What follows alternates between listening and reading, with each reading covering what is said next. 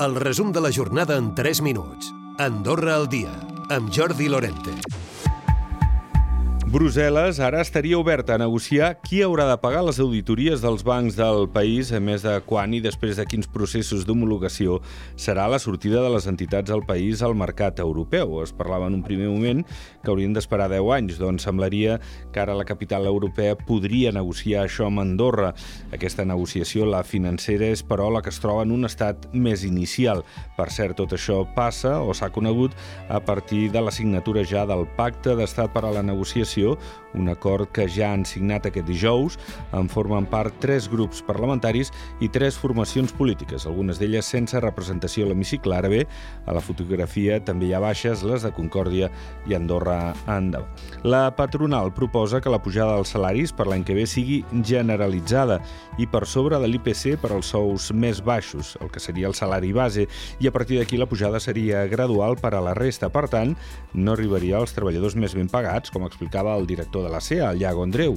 Som conscients que aquells eh, salaris situats entre el mínim i el mitjà o que aquells salaris que més s'acosten al mínim segurament són els que pateixen més l'augment dels preus i segurament són els que, mm, els que acusen més la pèrdua de poder adquisitiu. Això sí, des de la patronal s'insta als sindicats eh, que s'intenti totes totes aconseguir un acord i que no hagi d'intervenir, com ho va fer l'any passat al govern. I la policia ha detingut una dona de 39 anys, cuidadora d'una escola bressol a Sant Julià de Lòria, com a presumpta autora de maltractaments a un menor d'un any i mig quan era al seu càrrec. El Comú Lauredià ha informat que la treballadora ha estat acomiadada, inhabilitada primer i ha lamentat profundament els fets. I augmenta el 10% el pressupost destinat a l'Andorra Shopping Festival, la festa de les compres al país, que enguany celebra la desena edició, amb un pressupost de 830.000 euros. És un 10% més respecte al 2022. En parla el ministre de Turisme, Jordi Torres. Hi ha hagut un encariment doncs, del, del, de, de, dels que, de la compra de mitjans, després també hi ha hagut un encariment doncs, de, dels espectacles, un encariment de, doncs, de, de, de, tots els, de totes les coses que posem al carrer.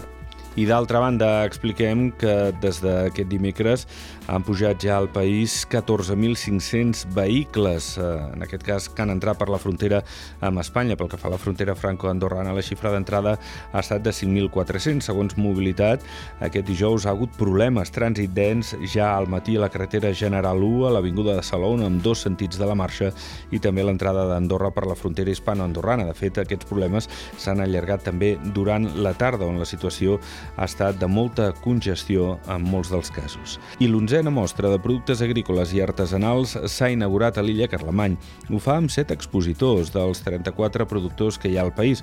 Obrirà fins dissabte en horari d'11 del matí a les 9 del vespre, tot plegat per donar a conèixer el producte de quilòmetre zero del país. L'objectiu és donar a conèixer el producte que fem, que elaborem aquí a Andorra, elaborem hidromel, és la primera beguda alcohòlica descoberta per la humanitat, bueno, de ser, eh, els que són productors de productes agrícoles i artesans d'Andorra hem de fer veure el nostre producte i que la gent ens vegi. El govern hi col·labora amb l'organització i el muntatge de la mostra. Recupera el resum de la jornada cada dia a AndorraDifusió.d i a les plataformes de podcast.